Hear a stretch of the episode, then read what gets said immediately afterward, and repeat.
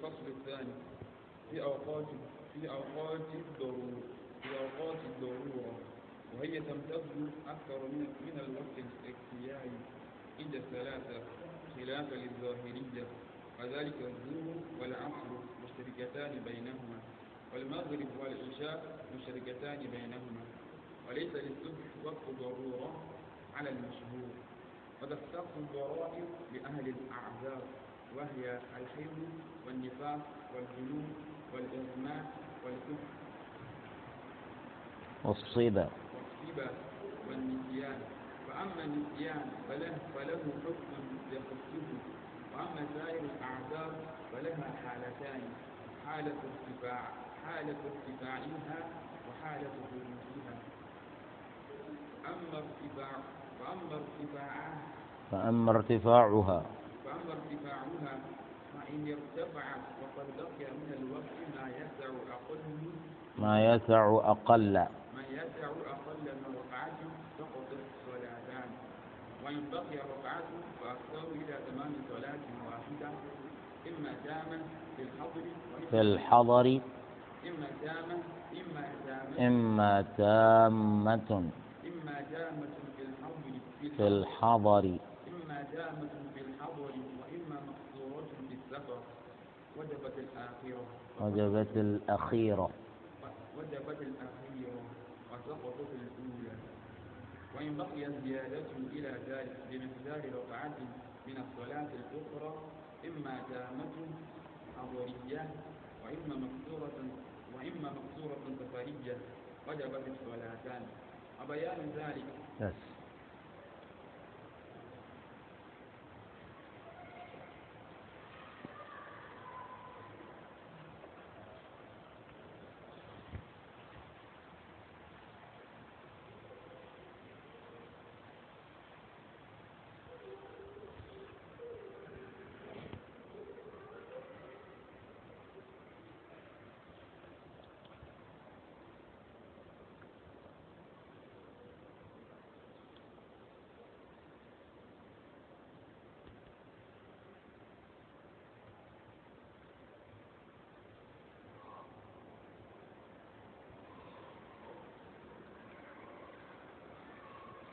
الحمد لله والصلاة والسلام على رسول الله محمد بن عبد الله وعلى آله وصحبه ومن والاه وبعد. السلام عليكم ورحمة الله وبركاته. يقول المصنف رحمه الله فرع الأفضل عند الشافعي تقديم الصلوات في أول الوقت إلا الظهر في شدة الحر.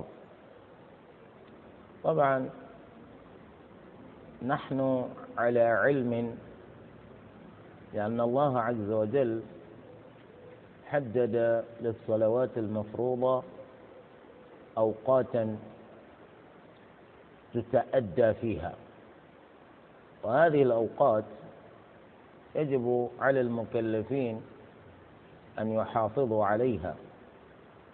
وهذا معنى من معاني التكليف.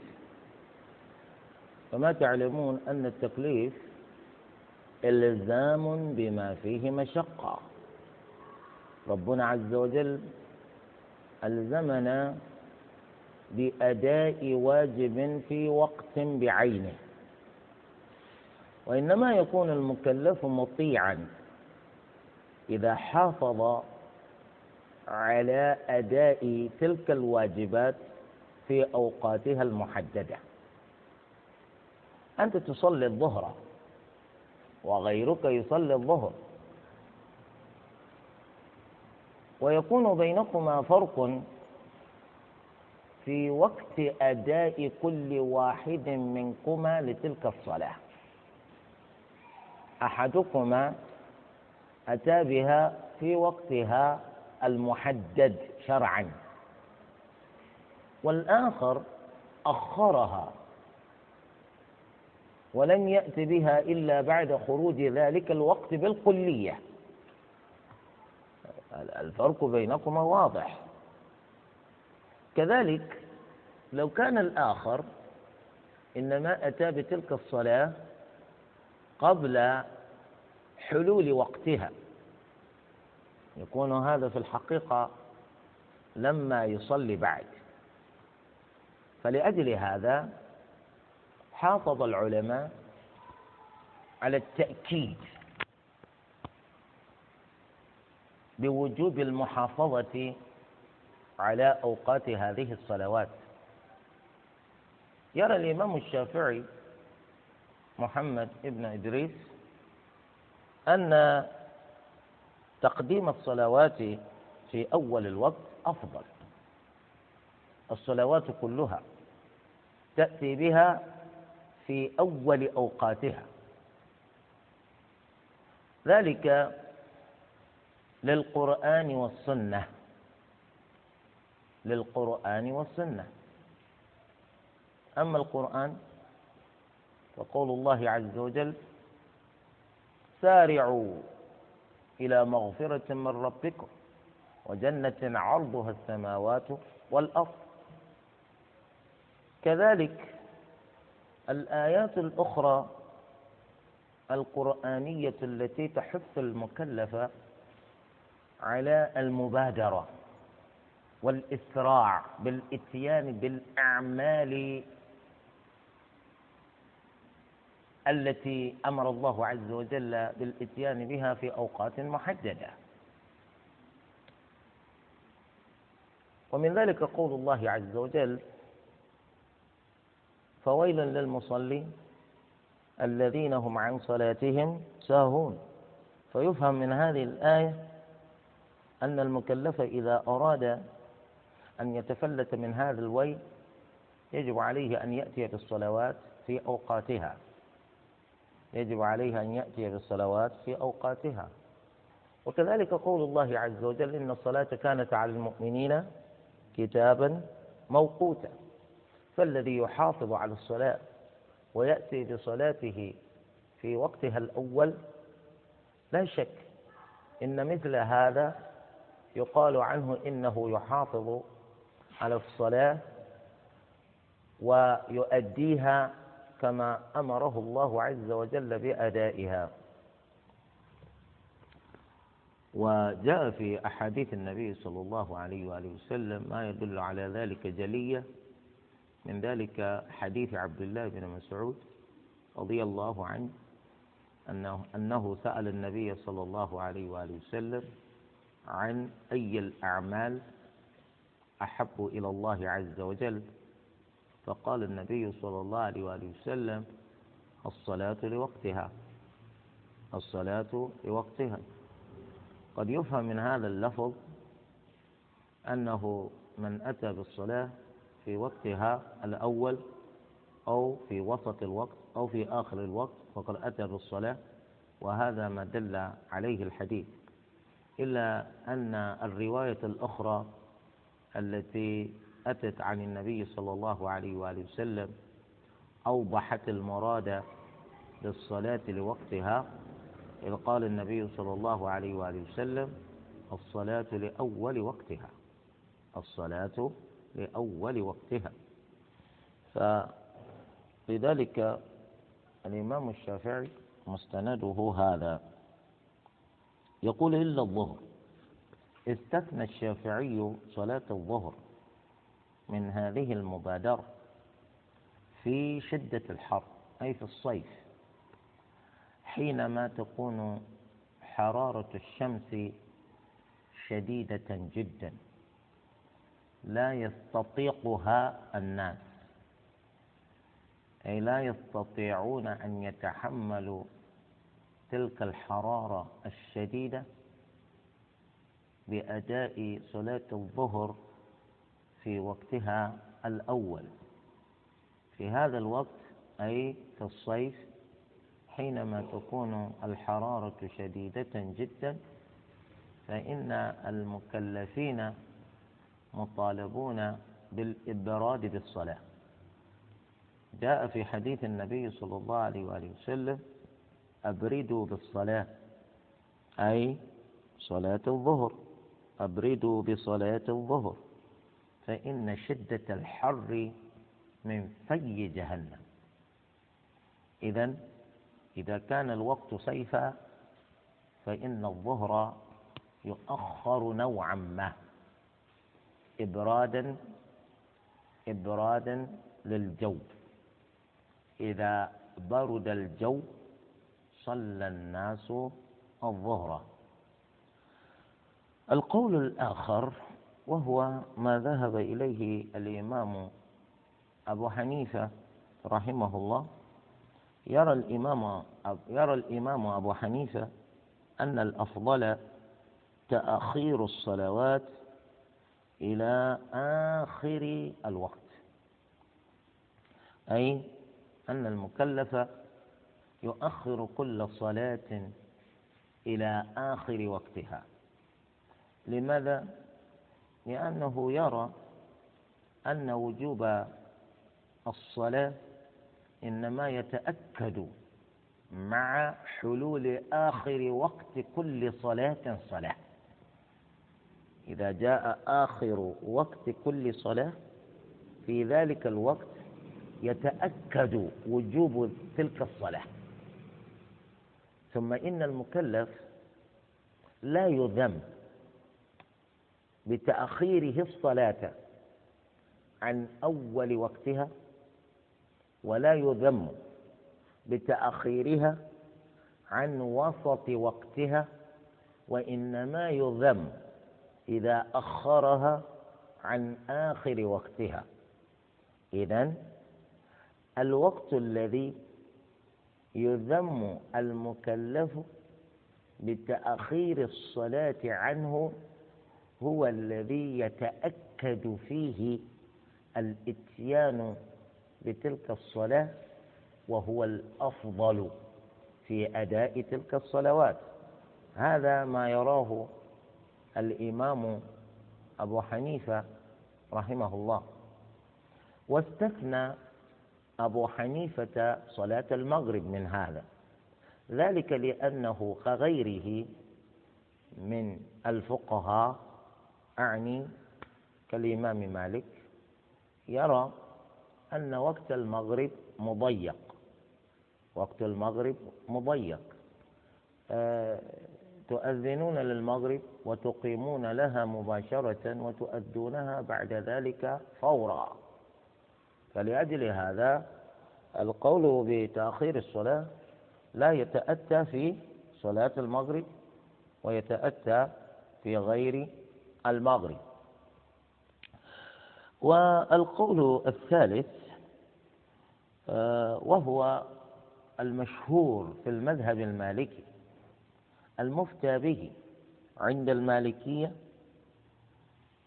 هو أن الأفضل تأخير الظهر إلى ربع القامة وتأخير العشاء في المساجد وتقديم الصبح والعصر والمغرب. هذا قول المالكية في المشهور المفتى به في المذهب. تلاحظون أنهم بهذا القول لم لم يخالف الشافعي إلا في تأخير العشاء. قالوا بمثل ما قال الإمام الشافعي إلا في تأخير العشاء والعشاء هذه تؤخر في المساجد. وقوله في المساجد قيد احترز به عمن أراد أن يؤدي صلاة العشاء بمفرده في بيته أو في مكان آخر. أما إذا كانت صلاة العشاء إنما تقام في المسجد فإنه من الأفضل أن تؤخر الجماعة إقامتها لوقت يتأخر عن أول وقتها. وهل يوجد فرق جوهري بين هذا وبين ما قال الشافعي؟ لا. لا يوجد فرق جوهري بين قوليهما. لأن الشافعية أيضا في مذهبه يرون أن صلاة العشاء يجوز تأخيرها في الجماعة تأسيا بالنبي صلى الله عليه وآله وسلم لأن النبي صلى الله عليه وسلم أخر صلاة العشاء يوما ثم صلاها وبعد ذلك قال هذا وقتها لولا أن أشق على أمتي. هذا وقتها لولا أن أشق على أمتي. على أي حال القول المختار عندنا فيما يتعلق بالوقت الأفضل للإنسان أن يؤدي الصلوات هذه فيها آه، هو أن الصلوات أن الصلوات كلها تؤدى في أول الوقت. الصلوات كلها تؤدى في أول الوقت لعموم قول النبي صلى الله عليه وآله وسلم حين سئل عن أحب الأعمال إلى الله عز وجل فقال الصلاة لأول وقتها. ولم يفرق النبي صلى الله عليه وآله وسلم بين صلاة وصلاة أخرى أطلق الصلاة لأول وقته. وهذا المطلق يحمل على تقييده حتى يرد ما يخصصه. وقد رأينا التخصيص فيما يتعلق بأداء صلاة الظهر حالة شدة الحر. وكذلك رأينا التخصيص في صلاة العشاء أنه يستحب تأخيرها أحيانا وأحيانا. إذا وهذا الاستثناء الذي أتى به الدليل لا ينبغي لا ينبغي أن ينتج عنه قول آخر. نقول الأفضل هو أداء هذه الصلوات الواجبة في أول أوقاتها. إلا في شدة الحر فتؤخر صلاة الظهر. وإلا العشاء تؤخر أحيانا وأحيانا. فهمت؟ إذا هذا الأفضل. أما ما قال ما قال به الإمام أبو حنيفة رحمه الله فإنه قول وجيه بما وجه به إلا أنه ليس مثله يترجح على القول المختار لأن القول الذي اخترناه هو الذي دل عليه الدليل الثابت بالسنة الصحيحة عن النبي صلى الله عليه وآله وسلم والمقرر أنه لا يجوز لأحد كائنا من كان أن يترك, أن يترك قولا ثبت عن النبي صلى الله عليه وآله وسلم بالدليل الصحيح لقول أحد من الناس كائنا من كان. النبي صلى الله عليه وسلم يقول في الإجابة عن السؤال عن أي الأعمال أحب إلى الله؟ قال الصلاة لأول وقتها. يعني أنا لا أجد مندوحة لترك العمل بهذا الحديث. الحديث يقول لي الصلاة لأول وقتها وبأي ذريعة أترك العمل بهذا الحديث؟ لا يوجد. لا نجد حديثا آخر في مقابل هذا يقول فيه النبي صلى الله عليه وآله وسلم الصلاة لآخر وقتها. ما قال النبي صلى الله عليه وسلم ذلك. فأي تأويل نأتي به بعد أن قال النبي صلى الله عليه وآله وسلم قوله الفصل الواضح لا حاجة لنا إلى أي تأويل في هذا لأن قوله هنا واضح ومفهوم. هذا هو. ثم انتقل المصنف رحمه الله إلى الفصل الثاني يتحدث فيه عن أوقات الضرورة. أوقات الضرورة بعد أن حدد لنا آه، الأوقات الاختيارية لكل صلاة صلاة أراد أن يوضح لنا أوقات الضرورة لكل صلاة صلاة. قال وهي تمتد أكثر من الوقت الاختياري. لأن الوقت الاختياري هو الذي يأتي أولا.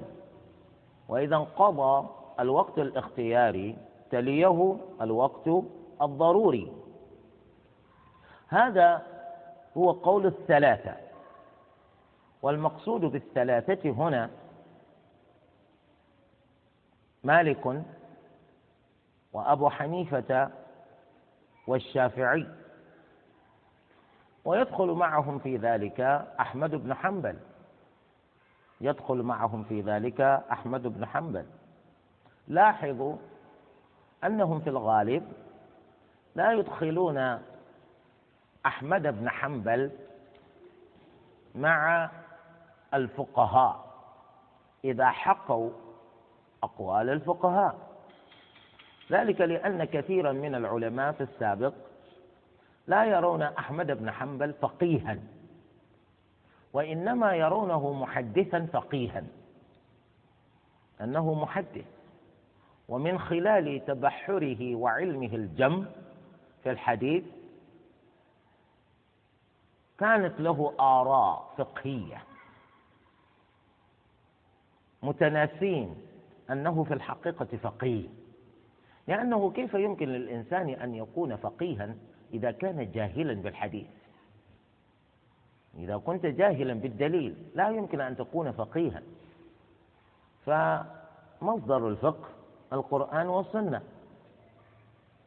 كذلك الإجماع كذلك القياس كذلك الأدلة الأخرى المختلف فيها. فإذا كان أحمد بن حنبل محدثا وهو يتمتع بعلم كاف لاستنباط الأحكام من هذه الأحاديث ومن القرآن كيف لا يكون فقيها. وقد درج على هذا الفهم أن أحمد محدث فقيه أو يقولون لهم فقهاء المحدثين. الإمام ابن عبد البر ابن عبد البر في كتابه التمهيد وفي كتابه الاستذكار لا يصنفه مع الفقهاء إنما يصنفه مع فقهاء المحدثين.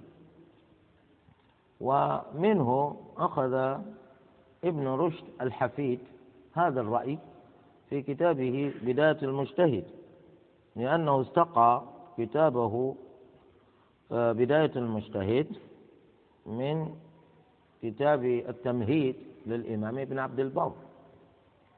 إذا يدخل معهم أحمد بن حنبل. أحمد بن حنبل في الحقيقة فقيه وهو محدث أيضا.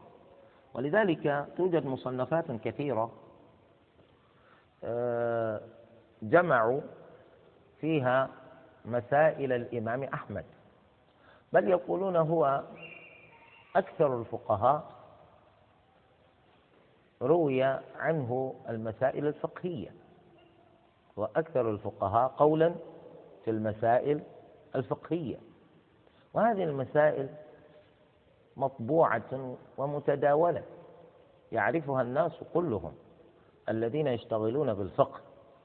فأحمد في الحقيقة فقيه فمن يخرجه عن زمرة الفقهاء في الحقيقة أجحفه حقه. أجحفه حقه. هو فقيه. فهو يدخل معهم هنا خلافا للظاهرية. الظاهرية هؤلاء أيضا يصنفون في الفقهاء وإمامهم داود الظاهري. داود الظاهري هذا تلميذ لأحمد بن حنبل. كيف يكون التلميذ فقيها؟ وشيخه غير فقيه. آه وذلك الظهر والعصر مشتركان مشتركتان بينهما. أي صلاة الظهر وصلاة العصر تشتركان في وقت الضرورة.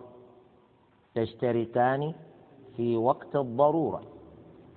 بمعنى إذا كانت الضرورة أو العذر إذا كان العذر قائما بالإنسان وحال ذلك العذر دون فعله الظهر والعصر. ولما تغب الشمس بعد الشمس لم تغب هذا الإنسان به عذر. هذا العذر منعه من الصلاة من صلاتي الظهر والعصر. ونظرنا فوجدنا أن الشمس لم تغب إلا أن الوقت الاختياري لكل من الظهر والعصر قد فات قد فات وقت الاختيار لكلتا الصلاتين. الآن بقي على غروب الشمس دقائق. والرجل لما يصلي الظهر والعصر إلا أن الوقت الذي بقي لغروب الشمس يسع لإقامة الظهر والعصر أي يمكنه أن يصلي الظهر ويصلي العصر قبل غروب الشمس. نقول نعم يصليهما. يصليهما ما دام الوقت يسع لهما. إذا الظهر والعصر الآن مشتركتان في وقت الضرورة. مشتركتان في وقت الضرورة. كذلك المغرب والعشاء مشتركتان أيضا في وقت الضرورة. إذا كان العذر حال دون فعل المكلف صلاة المغرب وصلاة العشاء. إلا أن الفجر لما ينبلج بعد. الفجر لم ينبلج لم يطلع. والوقت الذي بقي لطلوع الفجر يسع. يسع لسبع ركعات. أنتم تعلمون أن المغرب ثلاث ركعات والعشاء أربع ركعات. الوقت الذي بقي الآن لطلوع الفجر يسع لفعل سبع ركعات. نقول يا رجل أنت تصلي المغرب وتصلي العشاء. فهمتم؟ إذا كل من الظهر والعصر تشترك في الوقت مع أختها. كذلك المغرب والعشاء مشتركتان في الوقت في حال الضرورة بهذا القيد في حال الضرورة. إذا وقت الضرورة تمتد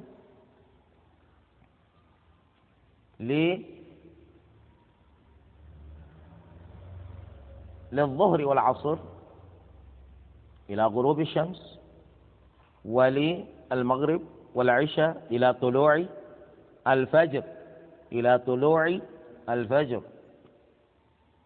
وليس للصبح وقت ضرورة على المشهور. أنتم فيما سبق فيما سبق أن ذكرنا في الأوقات الاختيارية علمتم أن الوقت الاختياري للصبح يبدأ من طلوع الفجر الصادق إلى إلى طلوع الشمس في قول. وإن كان بعض الفقهاء قالوا إلى الإسفار لكنه إلى طلوع الشمس. وعليه إذا طلعت الشمس. لقد خرج وقت الصبح. فلا وجود لوقت لوقت ضرورة لصلاة الصبح. حتى نقول إن ذلك يمتد من طلوع الشمس إلى زوال الشمس. آه كيف هذا؟ فهمتم؟ الصبح ليس لها وقت ضرورة. أما الصلوات الأربع الباقية لها أوقات ضرورة. وهناك اشتراك بين كل صلاتين صلاتين منها. الاشتراك في وقت الضرورة بين الظهر والعصر والاشتراك في وقت الضرورة بين المغرب والعشاء. ومن هم الذين من هم الذين وضع الوقت الضروري لهم؟ من هم الذين وضع الوقت الضروري لهم؟ من الذي يستفيد من وقت الضرورة؟ هل هذا الكلام ينطبق على كل مسلم؟ أنك تؤخر صلاة الظهر والعصر لتصليهما قبل غروب الشمس وتترك المغرب والعشاء لتأتي بهما قبل طلوع الفجر؟ لا. وإلا إذا كان الأمر كذلك مفتوحا فذلك يؤدي إلى إفساد الدين. إلى إفساد الدين. يصير الأمر منفلتا.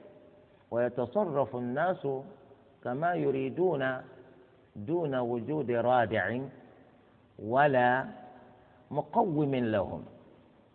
ليس وقت الضرورة لكل الناس إنما وضع الوقت الضروري لأصحاب الأعذار لأصحاب الأعذار لأن الشريعة مقررة على أنه يجوز للضرورة ما لا يجوز لغير الضرورة. فهمتم؟ يجوز للضرورة ما لا يجوز لغير الضرورة. يقول وتختص الضرائر الضرائر جمع ضرورة بأهل الأعذار. وهذه الأعذار أيضا ليست مطلقة لأن الإنسان قد يتذرع بأن بأنه صاحب صاحب عذر ولا عذر له. قد يتعذر بأن له عذرا ولا عذر له. وربما العذر الذي يتشبث به من الأعذار التي لا تعيرها الشريعة أي اهتمام ولا الاكتراث الشريعة لا تكترث بمثل تلك الأعذار. إذا الأعذار هنا أيضا مقيدة ومعلمة. لا تستطيع أن تأتي بأي عذر وتتعد وتتذرع به لتؤخر الصلاة لأن هذا دين وليس لعبا الأعذار هي الحيض. الحيض هذا مما كتبه الله عز وجل على بنات آدم وبنات حواء. الحيض يأتي المرأة وهي غير مستعدة. يأتيها الحيض في الوقت الذي قدر الله عز وجل ويحول الحيض دون صلاتها. يحول الحيض دون صلاتها. ثم الحيض ينقطع عنها من غير أن تكون هي التي أوقفته. إذا انقطع دم الحيض للمرأة عند اصفرار الشمس نقول حتما هي لم تصلي الظهر ولم تصلي العصر وانقطع الحيض عند اصفرار الشمس. وقد خرج الوقت الاختياري للعصر على قول راجح. لأننا نقول العصر يدخل إذا صار ظل كل شيء مثله ويخرج إذا صار ظل كل شيء مثليه قبل الإصفرار. المرأة هذه انقطع دم الحيض عنها عند اصفرار الشمس. وهي لما تصلي قطعا كلا من الظهر والعصر. نقول تتطهر فإذا تطهرت تأتي الآن تصلي. ماذا تصلي؟ تصلي كلا من الظهر والعصر. الوقت بالنسبة لها وقت ضرورة. كذلك النفاس. القول في النفاس كالقول في الحيض.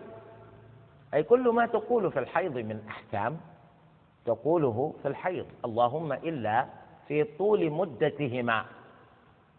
مدة الحيض قد تكون أطول من مدة الحيض. مدة النفاس قد تكون أطول من مدة الحيض.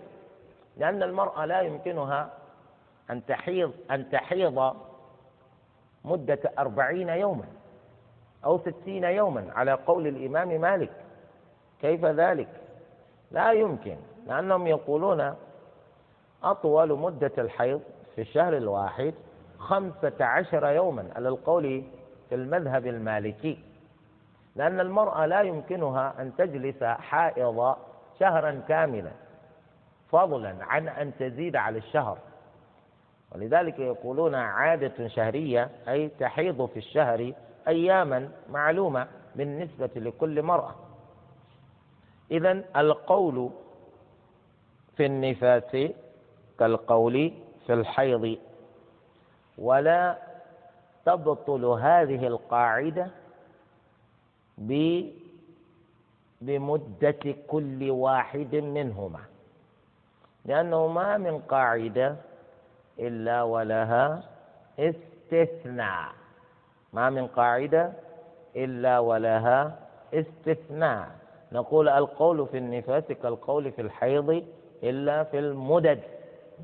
إلا في المدد مدد جمع مدة. كذلك من الأعذار الجنون. أكرمكم الله الجنون وهو زوال العقل. إذا تخبط الشخص جنونا فإنه لا يصلي. فإنه لا يصلي. ماذا يصلي؟ ماذا يقول في الصلاة؟ كيف يتطهر؟ حتى لو كان الإنسان أكرمكم الله وأعاذنا الله وإياكم من ذلك إذا كان الإنسان ذهب فتطهر توضأ فجاء ليصلي فكبر للإحرام ثم زال عقله.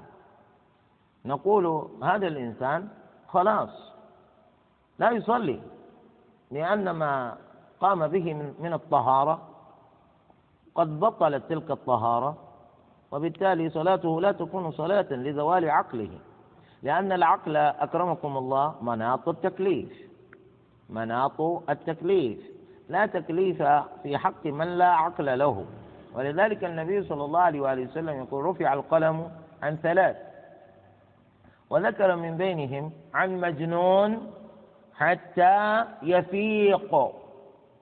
المجنون الذي زال عقله لا يكلف لا يخاطب بالتكليف حتى يعود إليه عقله. أما رأيت ربنا عز وجل يقول يا أيها الذين آمنوا لا تقربوا الصلاة وأنتم سكارى حتى تعلموا ما تقولون. إذا كان الإنسان لا يعقل ما يقول لا يصلي. إذا كان هذا في حق السكران والمجنون أكثر سكرا. يعني المجنون أكثر سكرا. فلذلك المجنون هذا به عذر. العذر الذي به هذا يحول دون صلاته. المجنون هذا عاد إليه عقله. عاد إليه عقله بعد منتصف الليل. لما عاد إليه عقله بعد منتصف الليل نقول الصلوات الأخرى التي فاتته من بداية جنونه إلى زوال جنونه معفو عنه. إلا الصلاة التي أفاق في وقتها. فهمتم؟ جنونه هذا دام سنتين.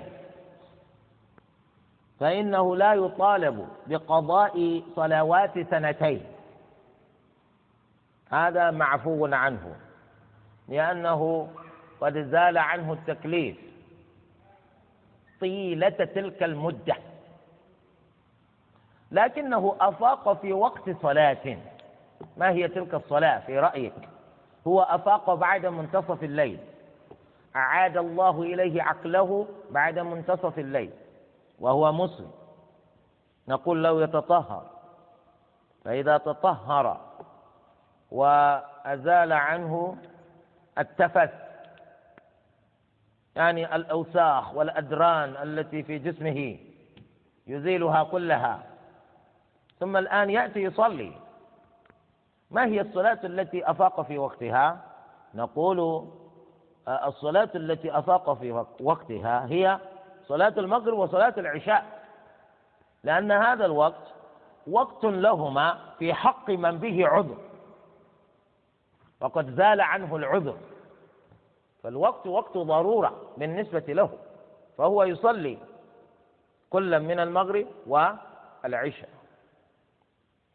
ما دامت إفاقته قبل طلوع الفجر لو أفاق بعد طلوع الفجر الصادق فإنه لا يخاطب إلا بالصبح فقط فهمتم؟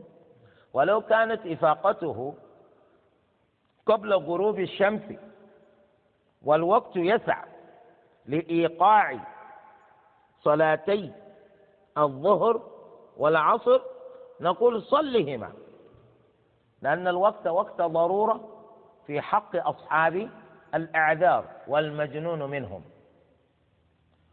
ومن الأعذار الإغماء. الإغماء هو قريب من الموت لأن لأن بالإغماء يكون الإنسان فاقدا الإحساس وهو فوق النوم. الإغماء دون الموت وفوق النوم.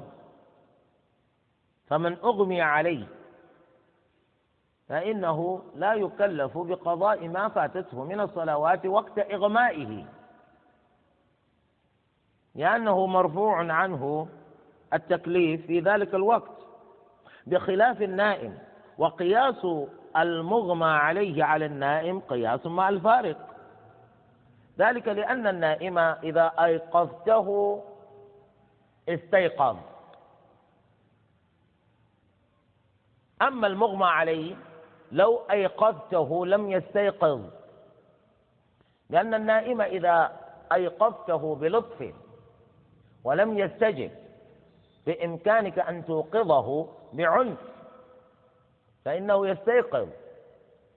لأنك إذا لمست جسمه وقلت له يا فلان قم ربما لم يقم. لكنك إذا صببت عليه الماء صبا وكان ذلك الماء باردا والوقت وقت الشتاء فإنه يقوم. فهمتم؟ كذلك إذا أوجعته ضربا فإنه يقوم بخلاف المغمى عليه. ماذا يمكنك أن تفعل للمغمى عليه ليقوم؟ ليس بإمكانك أن تفعل له شيئا إلا إذا أعاد الله إليه روحه. إذا لم يعد الله عز وجل إليه روحه. يكون ربما انتقل من حالة الإغماء إلى حالة الموت. فالمغمى عليه هذا إذا أفاق. أيضا والوقت الذي أفاق فيه يسعه لإقامة كل من الظهر والعصر قبل غروب الشمس فإنه يخاطب بهما. أو كانت إفاقته بليل والوقت يسع لكلتي الصلاتين أي المغرب والعشاء خوطب بهما. فهمتم؟ هذا أيضا من أصحاب الأعذار. وكذلك الكفر. أعاذنا الله وإياكم من ذلك. الكافر الآن جاء وأسلم في مثل هذا الوقت. أسلم. والوقت وقت اضطرار الشمس. أولا نلقنه الشهادتين. بعد تلقينه الشهادتين آه نخاطبه بأن يغتسل. وهذا الغسل ليس يلزمه أن يأتي به وهو مسلم جديد بتفاصيله الآن. وإنما نخاطبه بأن يعمم جسمه ماء بنية أنه يغتسل للدخول في الإسلام. لأنه يستطيع أن يقوم بهذا. وربما لا يستطيع أن يأخذ الغسل بتفاصيله الآن. والمقرر في الشريعة أن الميسور لا يسقط بالمعسور هو باستطاعته أن يعمم جسمه بالماء بنية أنه يغتسل للدخول في الإسلام. لكننا إذا أردنا أن ندخله في التفاصيل كيف تبدأ وبماذا تبدأ ثم تنتقل ثم تفعل ربما آخر كلامنا ينسيه أوله. فلأجل هذا نقول له كمسلم جديد اذهب وعمم جسمك بالماء. ونحبذ أن تدلك جسمك بيدك حتى تتأكد من أن الماء وصل إلى كل جزء جزء من جسمك. ثم تأتينا. الآن أروه كيف يتوضأ. إذا توضأ الرجل أو توضأت المرأة الآن نقول له الآن تصلي. تصلي الظهر وتصلي العصر. ما الظهر وما العصر؟ ولا يعرف لأنه ما كان مسلما بالأمس. تو أسلم. نقول له لا بأس لأحدنا أن يؤمه في تلك الصلاة. تكون تلك الصلاة في حقك أنت وقد أديت الظهر والعصر في في وقتهما تكون الصلاة الآن في حقك نافلة. تكون الصلاة الآن في حقك نافلة. وهو يتأسى بك ويقتدي بك لأنه لا يستطيع إلا ذلك. ثم إنه إذا قام يصلي معك لا يدري ماذا يقول. لا يستطيع أن يقرأ الفاتحة ولا أن يقول ما يقوم مقام الفاتحة. كما علم النبي صلى الله عليه وآله وسلم رجلا أسلم جديدا.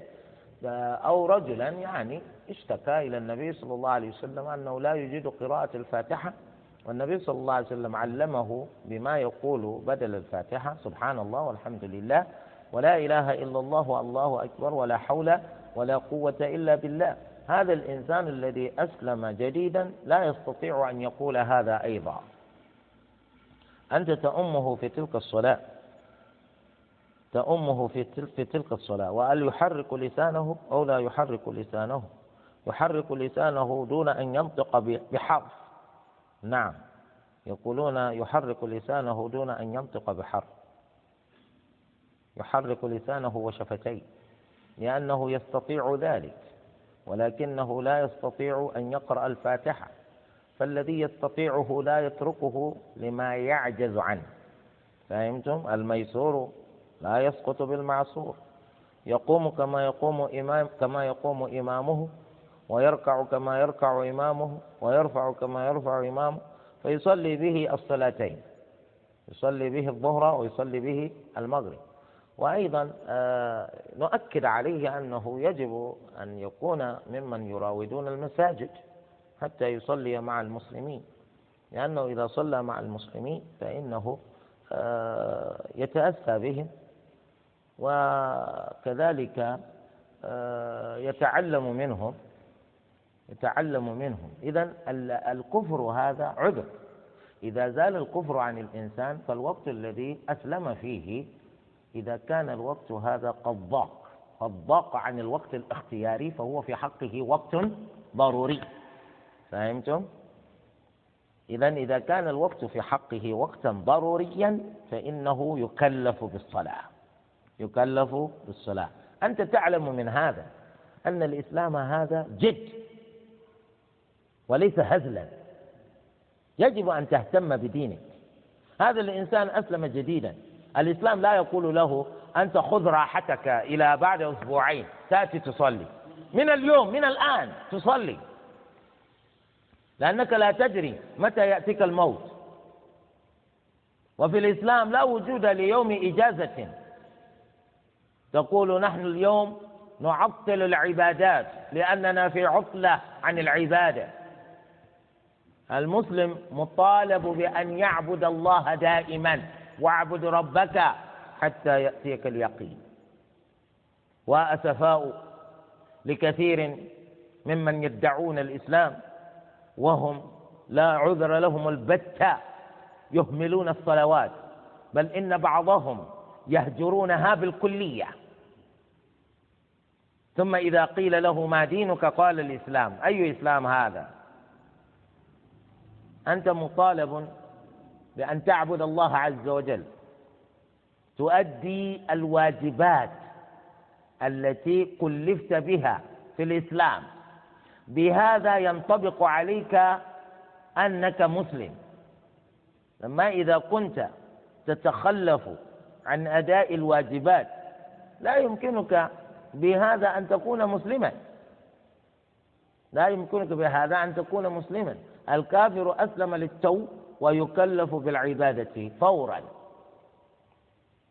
كذلك من العذر الصبا. إذا كان الإنسان صغيرا لم يبلغ وبلغ لم يبلغ فبلغ. هذا الإنسان ما بلغ حتى اصفرت الشمس. كادت الشمس أن تغيب. وقد مالت إلى الغروب ولما تغب بعد. هذا الإنسان بلغ. كيف نعلم أنه بلغ قبل غروب الشمس؟ لأن البلوغ ليس بالدقائق ولا بالساعات. فهمتم؟ هو احتلم. نام؟ نام في مثل ذلك الوقت؟ ولما قام؟ وجدنا المني فيه. كيف هذا؟ يقول رأى في منامه أنه يفعل ويفعل مع المرأة فجاء المني. نقول الحمد لله بلغت. الآن نأمره بأن يغتسل للجنابة؟ بعد اغتساله للجنابة الآن يصلي. حتى لو كان ذلك الولد الذي بلغ الآن لو كان قد صلى الظهر قبل مع الجماعة وصلى العصر قبل مع الجماعة فإنه الآن يخاطب بأن يأتي بهما الآن. لماذا؟ لأن الظهر التي أتى بها قبل في حقه نافلة. كذلك العصر. الآن الظهر والعصر اللتين نخاطبه بهما الآن واجبتان. والواجب في الشريعة لا يسقط بالنافلة. فهمتم؟ هذه قاعدة. الواجب لا يسقط بالنافلة. ولذلك لما قال الفقهاء قال بعضهم بالأحرى إن الإنسان الذي يتعمد ترك الصلاة في وقتها ولم يصلها حتى خرج وقتها هل هذا الإنسان مخاطب بأن يأتي بتلك الصلاة بعد خروج الوقت؟ مثل ما يتذرع كثير من الناس بأنه يعمل وأنه مشغول بعمله وأن العمل هو الذي حال دون أدائه الصلاة في وقتها. وبعضهم بهذا السبب الواهي تجدونهم لا يصلون الظهر والعصر والمغرب والعشاء إلا بعد عودتهم إلى البيت. تجده هكذا يوميا يجمع بين هذه الصلوات الأربعة. يأتي بها وقت العشاء. بذريعة أنه دائما مشغول في العمل. نقول لمثل هذا لا تنسى أن تذهب يوم أن تموت بالأدوات التي بها تعمل حتى تستمر في العمل في قبرك إلى يوم القيامة. إذا كنت بناء حتى تستمر في البناء في قبرك. وإذا كنت نجارا حتى تستمر في عمل النجارة النجارة في قبلك في قبرك. كذلك إذا كنت ميكانيكيا حتى تستمر في عملك الميكانيكي في قبرك. يعني الناس يضيعون أعمارهم فيما لا فائدة فيه فيما لا يعود عليهم بنفع في الدنيا ولا في الآخرة. والذي يفيده في الدنيا وفي الآخرة يهمله يهمله. وهذا إن دل على شيء إنما يدل على شقاوة أصحاب تلك التصرفات. يدل على شقاوتهم للأسف الشديد. الآن هذا الصبي نقول له أها الفقهاء هناك قالوا إذا تعمد الإنسان ترك الصلوات ثم جاء يصليها بعد خروج أوقاتها. هل في الحقيقة يجوز له أن يفعلها بعد خروج أوقاتها؟ وقد تعمد تركها في أوقاتها خلافا بين الفقهاء. جمهور الفقهاء يقولون نعم يصليها ولو كان وقتها قد خرج وهو آثم لأن لأن من كان به عذر مخاطب بأن يأتي بالصلاة بعد زوال عذره كالنائم مثلا والناس مثلا. فمن ليس بناس فمن ليس بناس ولا نائم من باب أولى. أي النبي صلى الله عليه وسلم يقول من نام عن صلاة أو نسيها فليصليها إذا ذكرها فإنه لا كفارة له إلا ذلك. فقالوا من لا عذر له يأتي بتلك الصلاة من باب أولى. والفقهاء الآخرون يقولون لا لا وجود لدليل في الشريعة. يأمر من ترك الصلاة عمدا بأن يأتي بها بعد فوات وقتها. لا وجود لدليل لا في الكتاب ولا في السنة. أما الذي قلتم أنكم استدللتم له, له بالدليل الأولى فالدليل الأولى هذا لا يدل عليه. لأنه لأن لأن الدليل الذي أتيتم به في من له في من له عذر وهذا لا عذر له. وهذا لا عذر له. وعليه. قال بعضهم لا يأتي بتلك الصلاة بعد خروج وقتها لأنه تعمد تركها في وقتها وإنما يكثر من النوافل. يكثر من النوافل ويستغفر ربه. لعل الله يغفر له. لعل الله يغفر له. فقلنا آه، الواجب لا يسقط بالنافلة. الواجب لا يسقط بالنافلة. يعني هؤلاء قالوا يكثر من النوافل. الواجب الذي تركه لا يسقط بما أتى به من نافلة. ولذلك يقولون مع ذلك يكثر من الاستغفار. لعل الله يغفر له. لأن الواجب لا يسقط بالنافلة.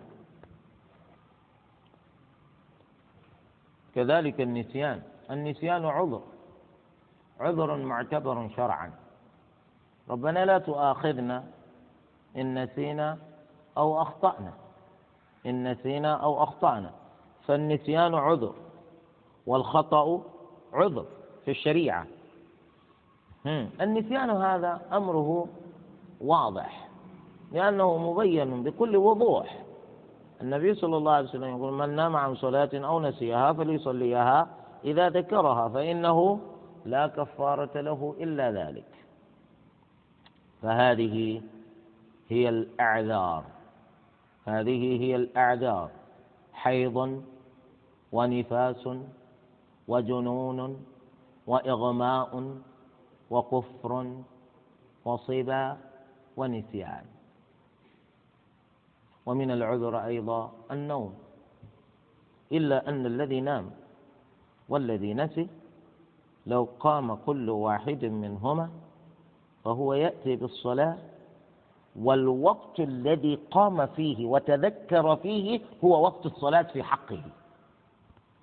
لما جاء في الحديث من نسي صلاة أو نام عنها فليصليها إذا ذكرها فهو وقت فهو وقت تلك الصلاة بالنسبة له. يعني جاء الحديث بهذا المعنى. بمعنى من قام من النوم أو تذكر بعد أن نسي فالوقت الذي تذكر فيه والوقت الذي قام فيه من النوم وهو يؤدي الصلاة فيه هذا وقت الصلاة بالنسبة له. هذا وقت الصلاة بالنسبة له. نكتفي اليوم بهذا القدر على أن نستمر من حيث توقفنا في درسنا القادم. نسأل الله عز وجل أن يعلمنا ما جهلنا وأن يبارك لنا فيما علمنا وأن يزيدنا علما. سبحانك اللهم وبحمدك. أشهد أن لا إله إلا أنت. أستغفرك وأتوب إليك.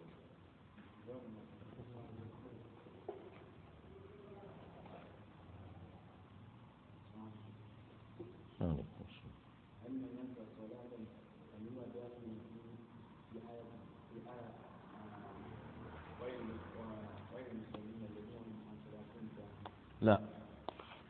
من نسي الصلاة فلم يأتي بها في وقتها بسبب النسيان فإنه لا يدخل في ذلك الوعيد في قوله تعالى فويلا للمصلين لا يدخل في ذلك الوعيد. لذلك قلنا يجوز مع العذر ما لا يجوز بغير العذر. نعم.